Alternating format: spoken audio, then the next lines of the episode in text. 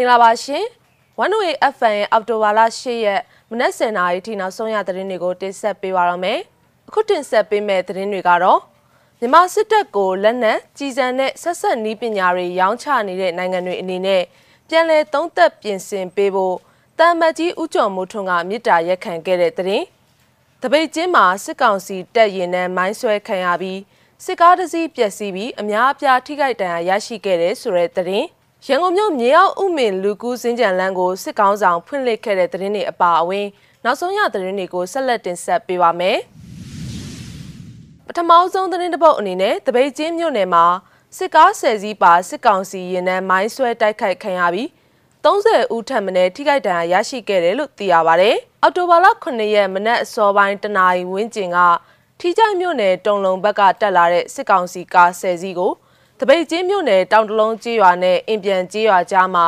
TBK PDF နဲ့ထိကြိုက် PDF တို့ကပူးပေါင်းမိုင်းဆွဲတိုက်ခိုက်ခဲ့တာဖြစ်ပါတယ်။စစ်ကောင်စီဘက်ကစစ်ကားတစ်စီးပျက်စီးခဲ့ပြီးဒဏ်ရာပြင်းထန်ရရှိသူတွေကိုထိကြိုက်စေယုံကိုပို့ထားရတယ်လို့လည်းသိရပါတယ်။တနာရီကျော်လောက်ကအုံအုံဆိုပြီးတော့ကြားလိုက်ရတာပါ။ပြီးတော့လက်နက်ကြီးတွေနဲ့ရောဆက်တနက်တွေနဲ့ရောရန်တမ်းပစ်ပုံရပါတယ်။ဒီကောင်တွေထိခိုက်မိတဲ့ကားတွေကိုညာရင်းချင်းရှင်းကြလို့ဖြစ်မှာပါ။ မနက်ကျတော့ကားလမ်းပေါ်မှာမှန်ကွဲစားတွေပဲတွေ့ရတော့တယ်လို့ဒေသခံတို့ကပြောပါတယ်။တပိတ်ချင်းမြို့နယ် PDF နဲ့ထီးချိုင်းမြို့နယ် PDF တို့ဟာမဟာမိတ်တွေဖြစ်ကြပြီးတပိတ်ချင်းမြို့နယ်မှာအခုလိုစစ်ကောင်စီတပ်ရင်နှန်းတွေကိုမိုင်းဆွဲတိုက်ခိုက်တာဟာပထမအဆုံးအကြိမ်ဖြစ်တယ်လို့လည်းသိရပါတယ်။မြန်မာစစ်တပ်ကိုလက်နက်တွေကြီးစံတွေနဲ့ဆက်ဆက်နီးပညာတွေရောင်းချနေတဲ့နိုင်ငံတွေအနေနဲ့မြန်မာပြည်သူတွေရဲ့အသက်တွေကိုကယ်တင်ပေးနိုင်ရေး အဲ့ဒီလိုရောင်းချနေမှုတွေကိုပြန်လည်သုံးသပ်ပြင်ဆင်ပေးဖို့တမ်မတ်ကြီးဦးကျော်မိုးထွန်းကမြစ်တာရက်ခံပြောဆိုလိုက်ပါတယ်။နိုင်ငံတနိုင်ငံရဲ့တရားဝင်အာဏာပိုင်တွေနဲ့သူတို့ရဲ့လက်အောက်ခံအဖွဲ့အစည်းတွေဟာနိုင်ငံနယ်မြေဒေသနဲ့ပြည်သူတွေကိုကာကွယ်ဖို့တမယိုးကြလက်နက်တွေကိုအသုံးပြုခွင့်ရှိပေမဲ့အဲ့ဒီလက်နက်တွေကိုတာဝန်မဲ့စွာအသုံးပြုခြင်းကြောင့်လူသားတွေအနေနဲ့ထိခိုက်နာကျင်မှုတွေတေကျေပျက်စီးမှုတွေနဲ့ဒုက္ခအလုံးစုံကိုခံစားနေရတယ်လို့ တမ်မတ်ကြီးဦးကျော်မိုးထွန်းကဆိုပါတယ်။အာဏာရှိသူတွေဟာလက်နက်တွေကိုကိုကျိုးစည်းပွားအတွက်အလွဲသုံးစားအသုံးပြုတာကြောင့်အကြမ်းဖက်တပ်ဖြတ်မှုတွေဖြစ်ပွားလျက်ရှိရမှာမြမပြည်သူတွေဟာလည်းအဲ့ဒီအခြေအနေတွေကိုလက်ရှိရင်ဆိုင်ကြုံတွေ့နေရတယ်လို့ဦးကျော်မိုးထွန်းကပြောပါတယ်မြမစစ်တပ်ဟာချင်းမုံရီရိုင်ဖယ်တွေလက်နက်ကြီးတွေလေကြောင်းတိုက်ခိုက်မှုတွေနဲ့အခြားလက်နက်တွေကိုအသုံးပြုပြီးပြည်သူတွေပေါ်အကြမ်းဖက်တပ်ဖြတ်မှုတွေကျူးလွန်လျက်ရှိတယ်လို့လည်းကုလဆိုင်ရာမြမတပ်အမတ်ကြီးဦးကျော်မိုးထွန်းက မိန်ကွန်းပြောကြားရမှာထည့်သွင်းပြောကြားခဲ့ပါတယ်။အောက်တိုဘာလ9ရက်မနက်ပိုင်းကပြုလုပ်တဲ့86ကြိမ်မြောက်ကုလသမဂ္ဂအထွေထွေညီလာခံပထမကော်မတီရဲ့အထွေထွေမူဝါဒရေးရာမိန့်ခွန်းပြောကြားမှုအစီအစဉ်မှာကုလဆိုင်ရာမြန်မာတန်အမတ်ကြီးဦးကျော်မိုးထွန်းကမိန့်ခွန်းပြောကြားခဲ့ပြီးမြန်မာစစ်တပ်ကိုလက်နက်တွေကြီးစံတွေနဲ့ဆက်ဆက်နီးပညာတွေရောင်းချနေတဲ့နိုင်ငံတွေအနေနဲ့ပြန်လည်ပြင်ဆင်သုံးသပ်ဖို့အခုလိုမြစ်တာရက်ခံလိုက်တာလည်းဖြစ်ပါတယ်။ကုလအထွေထွေညီလာခံပထမကော်မတီ လက်နက်ဖြတ်သိမ်းရေးနဲ့နိုင်ငံတကာလုံခြုံရေးကော်မတီရဲ့အထွေထွေမူဝါဒရေးရာမိန့်ခွန်းပြောကြားမှုအစီအစဉ်မှာနျူကလ িয়ার လက်နက်တွေတည်ရှိခြင်းနဲ့အသုံးပြုခြင်းဟာလူသားမျိုးနွယ်တွေအတွက်အကြီးမားဆုံးလုံခြုံရေးချိန်ချောက်မှုဖြစ်တာကိုသတိမူရမှာဖြစ်ပြီးနျူကလ িয়ার လက်နက်တွေအလုံးစုံဖျက်သိမ်းဟာအဲ့ဒီလက်နက်တွေအသုံးပြုမှုဒါမှမဟုတ်ချိန်ချောက်မှုတွေအတွက်တခုတည်းသောအာမခံချက်ဖြစ်တယ်လို့လည်းထည့်သွင်းပြောကြားခဲ့ပါတယ်။ နောက်ထပ်သတင်းတစ်ပုဒ်အနေနဲ့မန္တလေးတိုင်းဒေသကြီးမိုးကုတ်မြို့ရဲ့နေရာနှစ်ခုမှာအောက်တိုဘာလ9ရက်ည6နာရီခွဲဝန်းကျင်ကပောက်ကွဲမှုတွေဖြစ်ပွားခဲ့တယ်လို့ဒေသခံတွေထံကနေသိရပါဗျ။မိုးကုတ်မြို့ဘီးတောင်ရက်ကွက်ရှိ Music Zone KTV နဲ့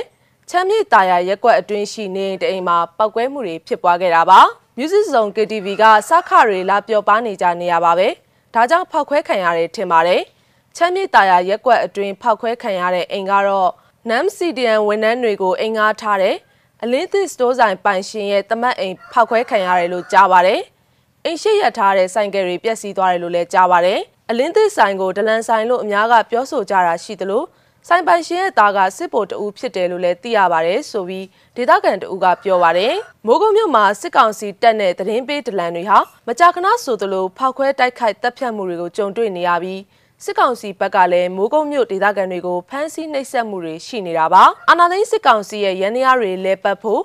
စစ်အာဏာရှင်စနစ်တက်ဆိုးရှိစေဖို့အထောက်ပံ့ပြုနေတဲ့လုပ်ငန်းတွေနဲ့စစ်ကောင်စီရဲ့တောက်တိုင်တွေကို PDF တွေကနိုင်ငံအနှံ့အပြားမှာတိုက်ခိုက်လျက်ရှိပါတယ် NLD အစိုးရလက်ထက်မှာအကောင့်ထဲပေါ်ဆောင်ရွက်ခဲ့တဲ့ရန်ကုန်မြို့ရဲ့ပထမအဆုံးမြေအောက်ဥမင်လူကူးစင်းကြံလန်းဖွင့်ပွဲကိုအနာသိန်းစစ်ကောင်စီဥက္ကဋ္ဌမင်းအောင်လှိုင်က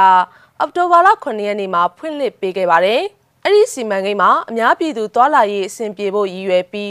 NLD အစိုးရလက်ထက်မှာတာဝန်ထမ်းဆောင်ခဲ့ကြတဲ့ရန်ကုန်တိုင်းဒေသကြီးဝန်ကြီးချုပ်ဦးဖြိုးမင်းသိန်းနဲ့ရန်ကုန်မြို့တော်ဝင်ဦးမောင်မောင်စိုးတို့ဦးဆောင်ခဲ့တဲ့စီမံကိန်းတစ်ခုဖြစ်ပါတယ်။ပထမအဆုံးမြေအောက်ဥမင်လူကူးစင်းကြံလန်းဟာ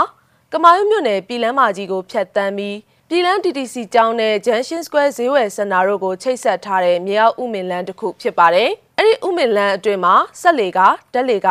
ဈေးဆိုင်ကန်းတွေနဲ့မတန်ဆွမ်းသူတွေသွာလာနိုင်စေဖို့စီမံထားပြီးလုံခြုံရေးအထူးကောင်းမွန်ပြီးတော့လမ်းရှည်ကတော့428ပေအမြင့်ပေ17ပေနဲ့အကျယ်ပေ40ရှိတနအီတွင်းလူဦးရေ6000ကျော်သွာလာနိုင်တယ်လို့သိရပါတယ်။အဲ့ဒီမြေအောက်လမ်းစီမံကိန်းကိုကနဦးမှာ2020ဖေဖော်ဝါရီလကစတင်ခဲ့တာဖြစ်ပြီး 2021ဇန်နဝါရီလမှာပြီးသက်ဆောက်လုပ်ဖို့ရရပေမဲ့အာနာသိန်းဖြစ်စဉ်ကြောင့်ဘယ်အချိန်မှာပြီးစီးသွားတယ်လဲဆိုတာကိုတော့မသိရပါဘူး။နောက်ဆုံးသတင်းတစ်ပုဒ်အနေနဲ့စကိုင်းတိုင်းဒေသကြီးမုံရွာမြို့မုံရွာနိုင်စဉ်အနီးမှာအောက်တိုဘာလ9ရက်ည9နာရီခွဲလောက်ကပောက်ကွဲမှုတစ်ခုဖြစ်ပွားခဲ့ပါတယ်။မုံရွာနိုင်စဉ်အနီးမှာဖောက်ခွဲမှုတစ်ခုပြုလုပ်ခဲ့ပါတယ်။ဖောက်ခွဲမှုကြောင့်စစ်ကောင်စီတပ်တွေစီးတဲ့ကားတစ်စီးထိပါတယ်။ အသေးအပြောင်းနဲ့ထိခိုက်ဒဏ်ရာရတဲ့အခြေအနေကိုတော့မသိရသေးပါဘူးလို့မုံရတောင်ပိုင်းပြည်သူ့ကာကွယ်ရေးတပ်ဖွဲ့ကတာဝန်ရှိသူတအူးကပြောပါရယ်ထိခိုက်ဒဏ်ရာရရှိမှုရှိမရှိနဲ့လူသေးဆုံးမှုရှိမရှိကိုတော့မဇီမာကဆက်လက်စုံစမ်းနေဆဲဖြစ်ပါတယ်။ One Way FM ရဲ့မနက်ပိုင်းနောက်ဆုံးရသတင်းတွေကိုတင်ဆက်ပေးကြတာပါ။နားဆင်မိခဲ့ကြတဲ့ပြည်သူတွေအားလုံးစိတ်ချမ်းသာခြင်းကိုယ်ဤကျန်းမာခြင်းနဲ့ပြည့်စုံနိုင်ကြပါစေရှင်။